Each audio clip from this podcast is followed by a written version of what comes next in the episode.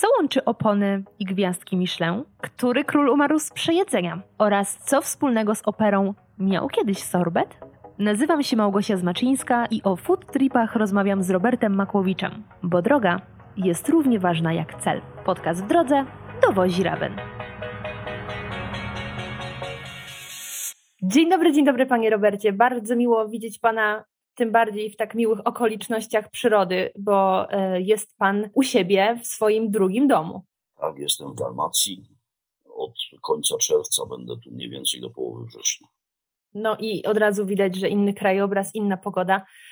Także bardzo się cieszę, że widzimy się jednak na kamerkach, że też mogę chociaż w ten sposób poczuć ten klimat. Panie Robercie, spotykamy się dzisiaj w, przy okazji bardzo przyjemnego tematu, tak myślę, ponieważ łączy on moje dwie osobiste pasje, największe przyjemności, czyli motoryzację i jedzenie. Ponieważ dzisiaj porozmawiamy o jedzeniu, ale w podróży, czyli o e, popularnych w ostatnim czasie podróżach kulinarnych, zwanych też food tripach albo gastrotripach.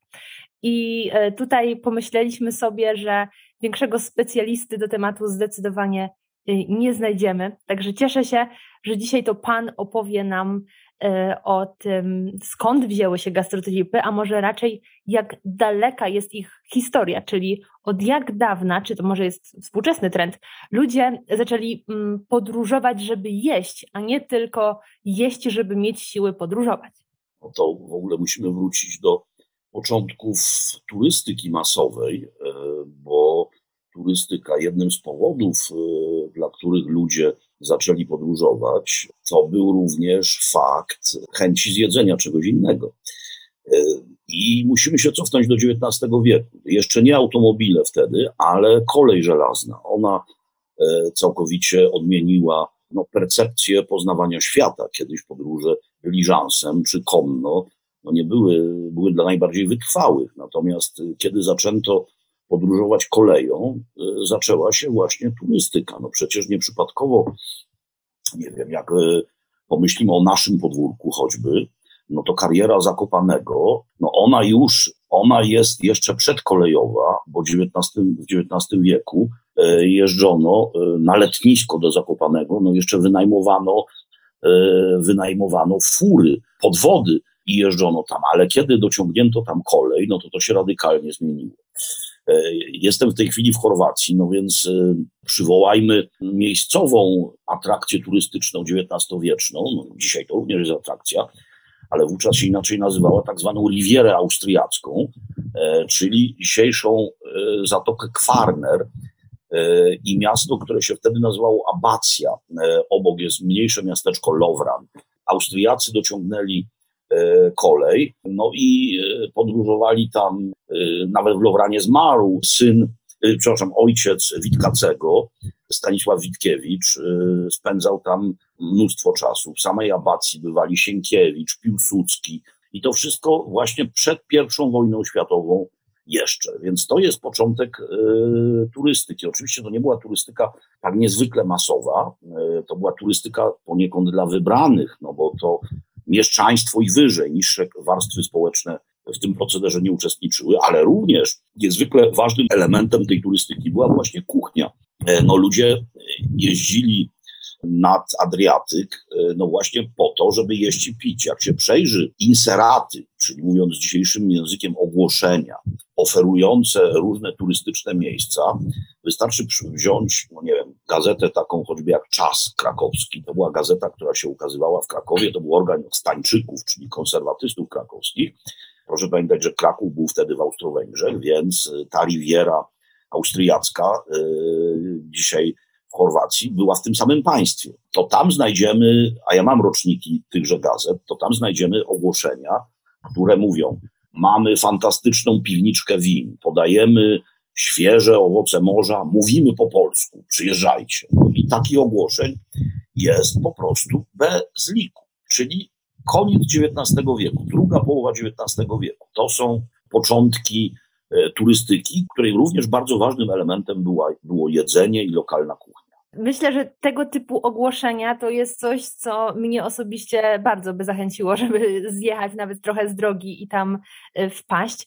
To proszę powiedzieć, Bo tutaj już mówimy sobie trochę o, o, tym, jak Zakopane zyskało na popularności. Rozmawiamy też o tym, jak w ogóle ta turystyka w okolicach Krakowa, powiedzmy, wyglądała, ale czy były faktycznie, mm, czy któreś miasta znajdowały się na takich jeszcze szlakach, które zachęcały do tego, żeby tam zajechać i właśnie coś przekąsić, że były w takich kluczowych miejscach komunikacyjnych, że właśnie tam ta gastronomia może się bardziej rozwijała ze względu na podróżnych? Wie Pani, było zupełnie odwrotnie niż jest w tej chwili. Wspominaliśmy tutaj o znaczeniu kolei żelaznej, o znaczeniu pociągu i w związku z tym kiedyś najlepsze restauracje były na dworcach kolejowych właśnie było wiadomo, że dworzec jest wizytówką danego miasta e, i często podróżni mają tylko kilka godzin, nie chcą z tego dworca wychodzić i muszą zjeść coś dobrego.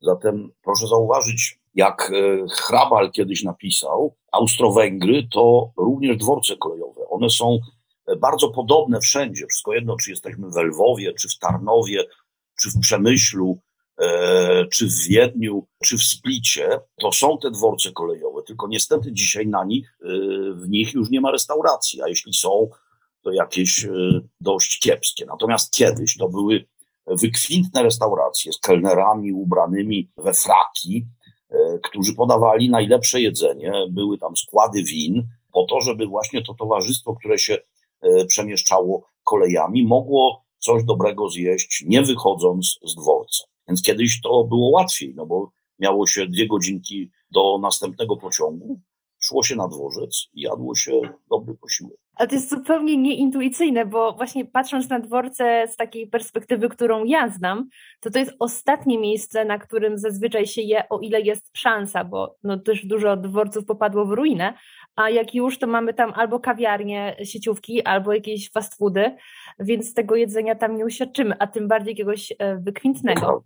No dobrze, czy skoro dworce w takim razie tutaj e, rządziły, to proszę mi powiedzieć, które postacie są znane z tego, że uwielbiały odkrywać nowe smaki w podróży?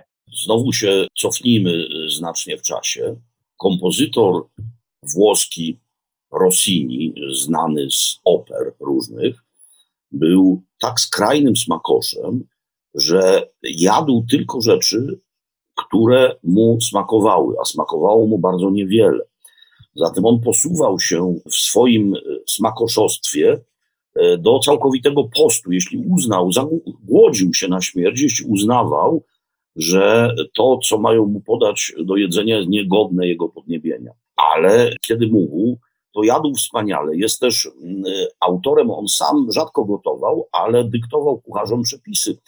Do dzisiaj jest gastronomiczny symbol old school, ale jednak bardzo poważana rzecz, Tournedo alla Rossini, czyli no, polędwica wołowa jest y, w najgrubszym swoim miejscu, y, robi się z niej Chateaubriand. Natomiast te y, końce są cieńsze i robi się z nich Tournedo właśnie, czyli cieńszy kawałek polędwicy, szybciutko obsmażony, podany na grzance, na to plaster foie gras, na to trufle, białe trufle, a do tego robi się sos z madery, z redukcji słodkiego e, portugalskiego wina i polewa tym wszystkim. To jest e, rzecz piekielnie niezdrowa i piekielnie smaczna.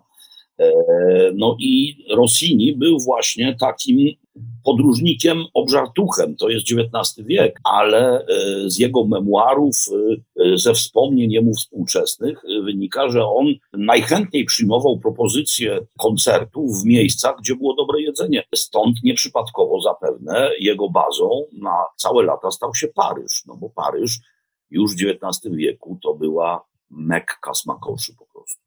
On mówi, że to było bardzo niezdrowe, ale z drugiej strony, jak ten człowiek się przez pewnie sporą część swojego życia głodził, żeby poczekać na ten idealny posiłek, to, to niezdrowe przestawało być takim grzeszkiem. Oczywiście, ale jednak dietetyka współczesna mówi nam, że lepiej jeść mniej i częściej e, tak, niż tak. obżerać się raz na jakiś czas. Jakie jeszcze postaci miały podobne upodobania i uwielbiały szukać nowych smaków? No wie pani, w ogóle włoska opera jest z jedzeniem niezwykle złączona są takie specjalne fragmenty w operach, które popularnie nazywa się ariami sorbetowymi. Czyli to są miejsca, w których się nic nie dzieje, czyli nie posuwa to akcji do przodu, bo wiemy, że opera to jest również przecież fabuła. A mhm. chodziło o to, żeby mogli sprzedawcy sorbetów czy też granity wejść do sali i sprzedać ludziom właśnie swoje wyroby i żeby ludzie bez szkody dla percepcji tego, co się dzieje, mogli e, to kupić i to pożyć. Więc są takie specjalne sorbetowe arie. Mówiłem o Rossinim. Verdi był e, no w ogóle rolnikiem. Też wspaniałe opery. E, Verdi miał swoją posiadłość, hodował, uprawiał winorośl, hodował zwierzęta, miał stawy rybne. Też przeszedł do historii nie tylko muzyki, ale również do historii kuchni. Wspominałem o Witkiewiczu, seniorze, on z powodów zdrowotnych siedział w tej Dalmacji, y, nie w Dalmacji, tylko w Kwarnerze, w Chorwacji, chciałem powiedzieć. E, no i w ogóle ludzie wtedy dość często, ich dieta e, wynikała również e, z chęci zwalczenia choroby, która wówczas pustoczyła Europę, mianowicie gruźlicy. Gruźlica wymagała górskiego powietrza, ale wymagała też odpowiedniej diety. A tą dietą zalecaną były ryby i owoce morza.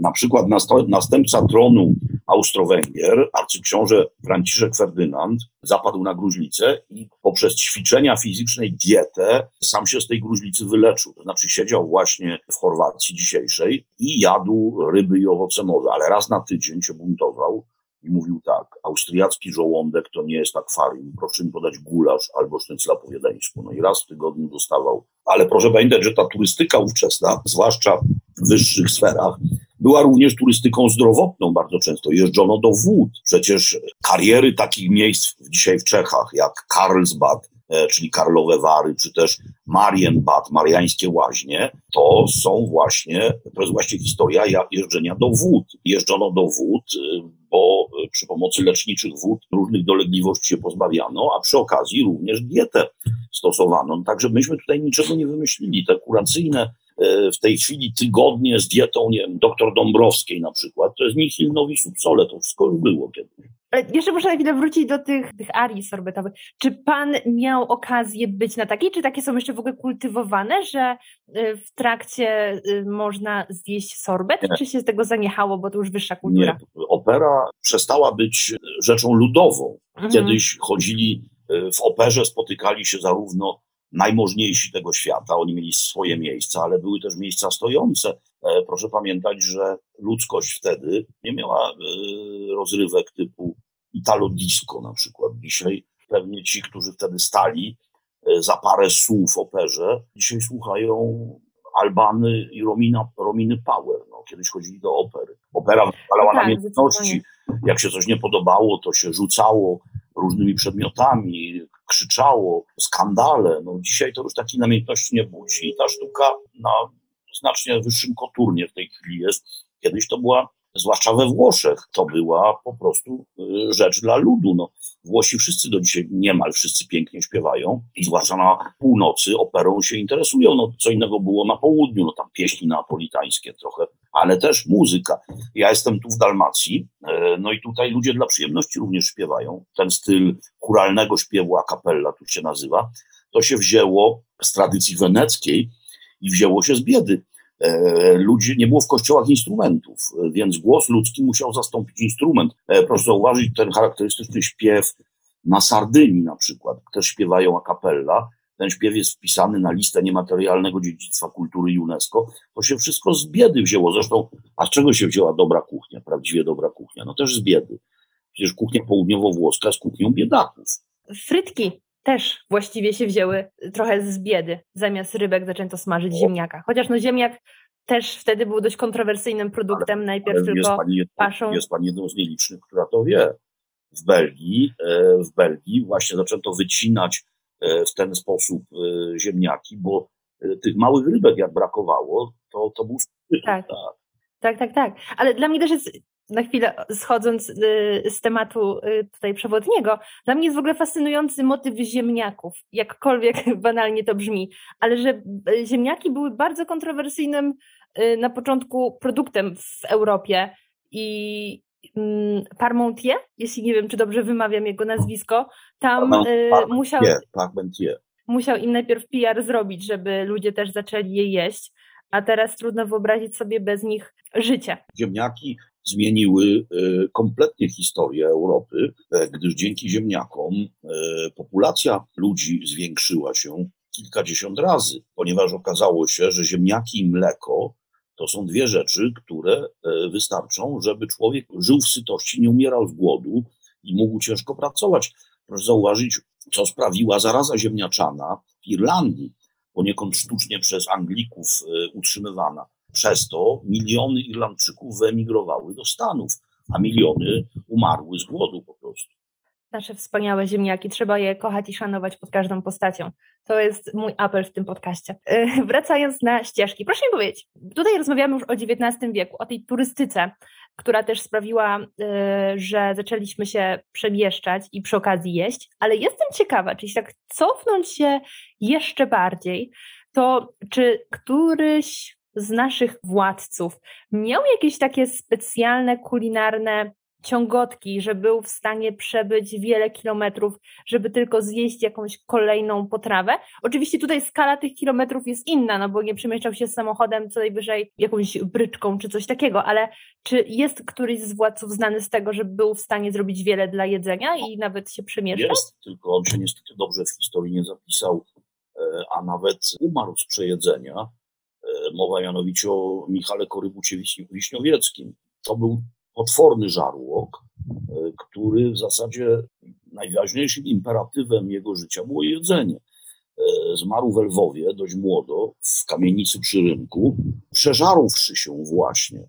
No nie zapisał się dobrze, bo jego panowanie to jest haniebny traktat z Turcją. Jak pani pewnie czytała albo oglądała pana Wołodyjowskiego, to jest oblężenie Kamieńca Podolskiego i traktat w Buczaczu, który oddawał Turcji Podole, a Michał Korbut-Wiśniowiecki zajmował się y, zamiast organizacją wojska głównie jedzeniem. Jego ojciec był wybitny, Jeremi Wiśniowiecki, czy też Jarema Wiśniowiecki, no, ale on był wojewodą ruskim. To był ten, który z kolei jest opisany w ogniem mieczem, który był postrachem y, zbuntowanych y, kozaków i zostawiał po sobie tysiące ludzi nadzianych na pal. No ale Rzeczpospolita wtedy potrzebowała twardej ręki i mocnej władzy królewskiej. No Michał Korybut-Wiśniowiecki nie zapewnił.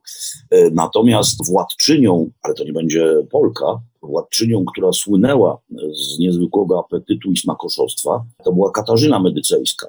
Ona jest poniekąd z Polską związana w ten sposób, że jej synem był Henryk Walezy, który niejako z Polski e, wywiózł widelec do Francji i nauczył Francuzów jeść widelcem. Jak wiadomo, Henryk Walezy uciekł z Polski, został pierwszym królem lekcyjnym, uciekł z Polski na wieść, że się opróżnił tron we Francji. Natomiast ten pan, który mówił o tym, że on przywiózł z Polski do Francji widelec, nie dodał, że on również przywiózł wcześniej z Francji e, do Polski widelec, ponieważ jego mama, Katarzyna Medycejska, była z Florencji, a wszystko da się zjeść łapami, tak jak wówczas głównie jedzono, z wyjątkiem jednej rzeczy, spaghetti mianowicie.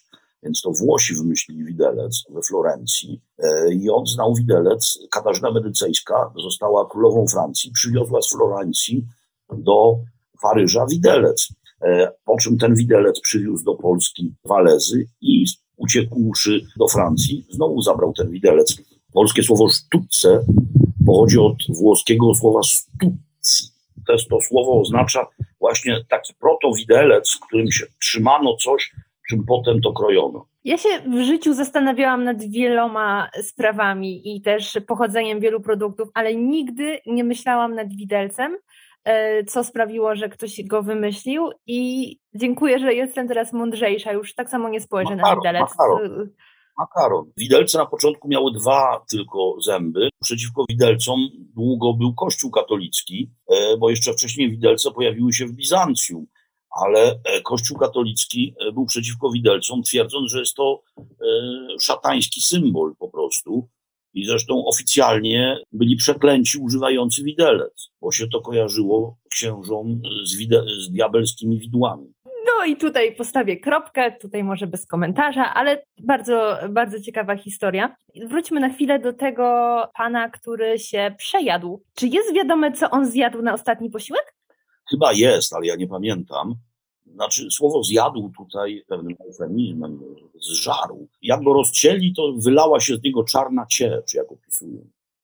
Mm-hmm. Zgniły mu wszystkie organy w środku. Pewnie jakieś pieczyste musiał spożyć, tam pół wołu albo coś takiego. To teraz wróćmy do czasów współczesnych i chciałabym teraz y, porozmawiać o gwiazdkach Michelin. I myślę, że część y, słuchaczy będzie zdziwiona, dlaczego akurat ten temat poruszamy, ale ja sama pamiętam dzień, w którym dowiedziałam się, jaka jest geneza gwiazdek Michelin i w ogóle tego przewodnika. No dokładnie, więc myślę, że nasz podcast w drodze jest doskonałym miejscem, żeby tę historię przywołać. Tym bardziej, że też y, w którymś z wywiadów przeczytałam, że pan nie jest wielkim fanem tych oznaczeń gwiazdek i tak raczej nie. podchodzi do tego z przymrużeniem oka. Nie, podchodzę do tego racjonalnie.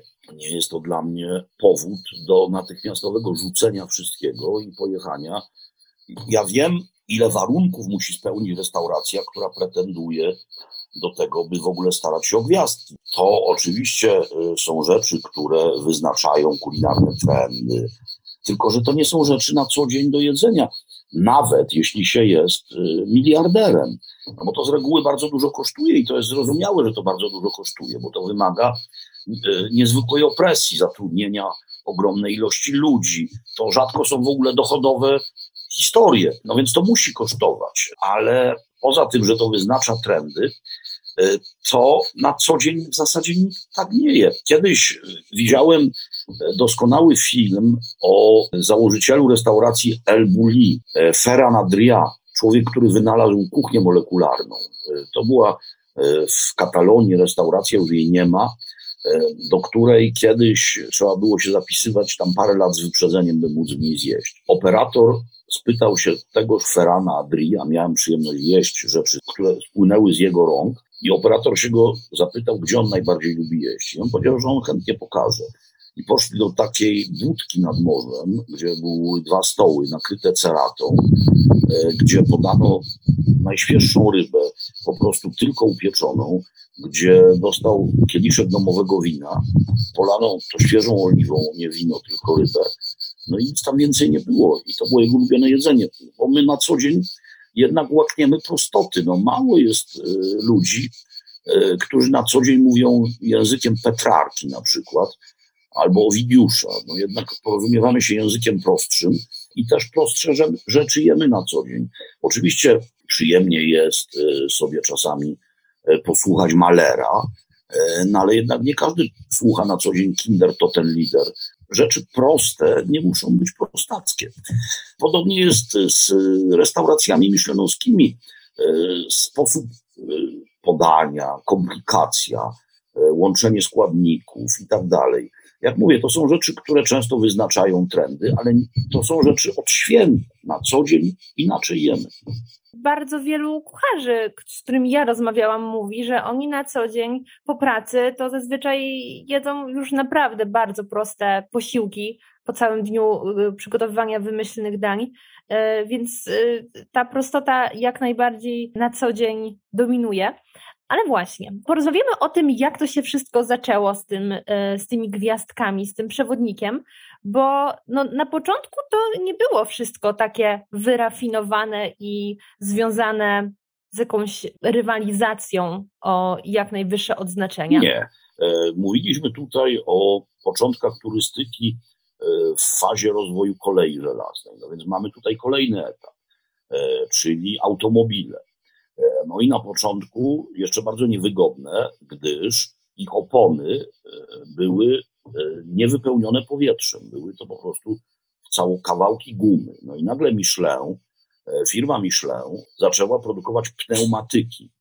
Chyba Dunlop wymyślił taką oponę, ale Michelin w Europie bardzo szybko zaczęła to produkować. No i to jest skok technologiczny, no bo jazda jest znacznie bardziej amortyzowana, e, wygodniejsza, pojawiają się drogi, no i ludzie, samochód przestaje być e, e, synonimem luksusu, przestaje być przywilejem dla koronowanych głów wyłącznie, no i ludzie zaczynają się przemieszczać, a skoro zaczynają się przemieszczać, to muszą coś jeść w miejscach, w których nigdy wcześniej nie byli.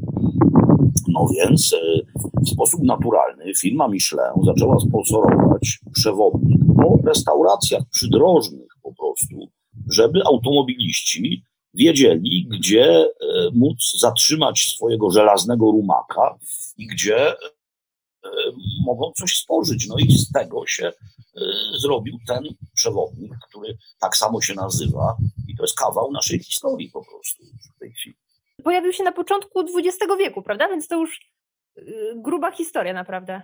Tak, no ale właśnie początek XX wieku to jest y, y, postępująca demokratyzacja życia. Coraz więcej warstw społecznych mogło sobie pozwolić na automobil. Ludzie zaczynają się przemieszczać, a już lata 50., kiedy robotnicy dostają urlopy, kiedy pojawiają się masowe samochody, nawet takie, które pozwalają całą rodzinę zabrać e, na wakacje. No i, i to się rozwija po prostu.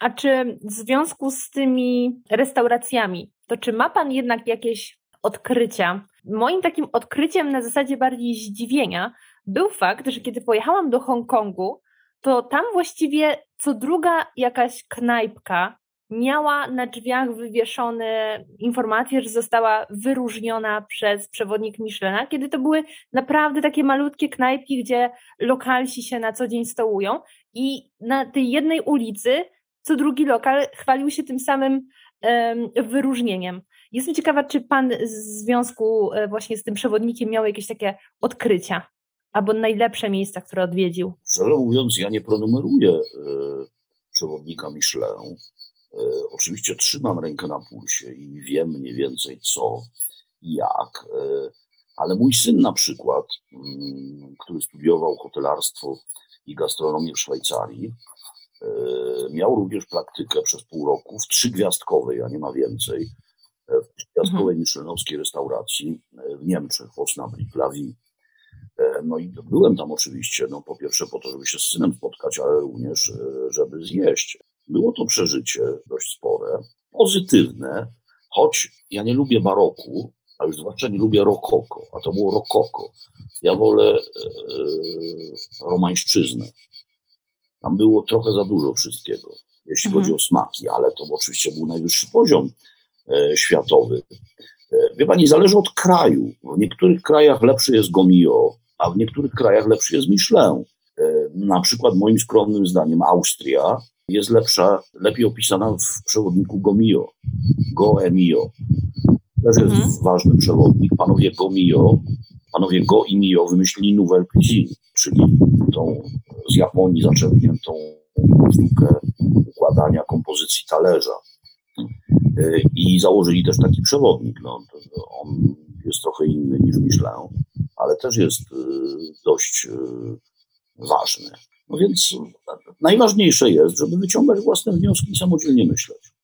Zdecydowanie, to w każdej dziedzinie życia. A proszę mi powiedzieć, bo tak teraz zaczęłam się zastanawiać, czy jest na przykład jakaś potrawa, która powstała przede wszystkim z myślą o podróżujących, czyli może też została rozpowszechniona dzięki temu, że ludzie się przemieszczali i to była bardzo wygodna, e, wygodne danie, wygodna potrawa, żeby wziąć w podróż cała kuchnia amerykańska, e, znaczy nie cała, ale wielki jej segment, tak, tak zwany drive-thru, czy to nie są tylko kina dla zmotoryzowanych, ale to są również restauracje dla zmotoryzowanych. No, pomyślane tak, że po prostu się podjeżdża pod okienko i nie wysiadając z samochodu dostaje coś, co można zjeść w łapie. No to jest e, specyfika Ameryki. W Stanach do dzisiaj bez samochodu człowiek w zasadzie mm, nie jest e, pełnoprawnym obywatelem tego kraju. Oczywiście pomiędzy miastami jeżdżą również autobusy i kolej, ale już komunikacja jakby e, wyjąwszy te miasta, w których działa metro, to prawie jej nie ma. No więc tam człowiek idący dzień ulicą budzi sensację. Czy na polskim rynku mamy jakąś taką potrawę? Bo ja muszę powiedzieć, że jak myślę o podróżach, może z takiej nawet trochę dalszej daty, to myślę o jajkach gotowanych i zabieraniu kanapek do pociągu, ale druga taka rzecz, bardziej może współczesna, ale nie aż tak, to są zapiekanki, bo zapiekanki bardzo często są sprzedawane na polskich dworcach. Zresztą zapiekanki i we Wrocławiu, Knyszach są też popularnym takim daniem w drodze. I zastanawiam się, czy może ich geneza też jest trochę związana albo rozpowszechnienie z tym, że ludzie się przemieszczali? Nie, geneza zapiekanek jest, ja świetnie pamiętam początek zapiekanek. To jest PRL po prostu. Łaknienie fast foodu, bo się kojarzył z czymś, prawda, amerykańskim, czyli lepszym. No ale nie dało się mhm. hamburgerów wtedy zrobić. No więc był kawałek czerstwego pieczywa, na to maść pieczarkowa e, i na to jakiś ser. No i te zapiekanki początkowo były w miastach, w budkach po prostu. Tak jak pierwsze hot dogi w Polsce, które były e, z kiełbaską leszczyńską, czyli z takim, co tam z drobiu było, to było zmielone i się robiło dziurę w bułce takim szpikulcem i to się wpychało tę kiełbaskę. To był początek, ale to z motoryzacją nie miało nic wspólnego. Powoli zbliżając się do końca, czy pan zauważa też, nie wiem, obserwując w czasie swoich podróży ludzi dookoła albo e, po swoich znajomych, czy też e, widzach, obserwatorach, taki trend, że faktycznie ludzie zaczęli więcej jeździć, żeby odkrywać smaki i dosłownie poznawać świat od kuchni? Bezsprzecznie. E, moim zdaniem jedną z najważniejszych zdobyczy mentalnych w naszym kraju po 1989 roku, to jest właśnie otwarcie się na kuchnię. Wejście znowu do tego światowego krwiobiegu. Przecież kiedy ja zaczynałem stawiać pierwsze kroki w opowieściach, w opowiadaniu o jedzeniu, to jeszcze było w latach 90., kiedy ja brałem bakłażana, to ja musiałem tłumaczyć, co to jest. Kiedy ja y, pokazywałem parmezan, to też musiałem opowiadać o tym, co to jest. Słuchajcie, to jest taki ser z północy Włoch, który służy tam do tarcia, zapiekania i tak dalej. Teraz nikomu tego nie trzeba tłumaczyć. E, teraz wszyscy wiedzą, co to jest, nie wiem, sałatka caprese, czy wszyscy wiedzą, co to jest, nie wiem, sushi, sashimi, czym się różni jedno od drugiego, albo co to jest udon ten przeskok, który dokonaliśmy, jest naprawdę ogromny. To jest rewolucja.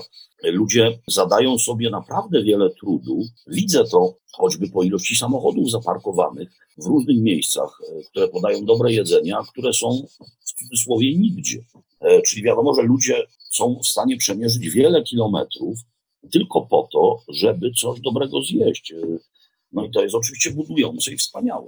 Dla mnie również budujące i wspaniałe jest to i myślę, że dla Państwa także będzie, że to jest nasze pierwsze, ale nie ostatnie spotkanie, ponieważ będziemy widzieć się jeszcze raz i wtedy to już wypytam Pana o Pańskie gastrotripy, podróże kulinarne. Ich było bardzo dużo, wszystko, co zarobiłem, przepiłem, przejadłem, więc o tym porozmawiamy, czyli na co warto e, w podróży wydać, zainwestować i gdzie zachwycać się tymi smakami. Także bardzo za dzisiaj dziękuję. ja dziękuję, kłaniam się nisko.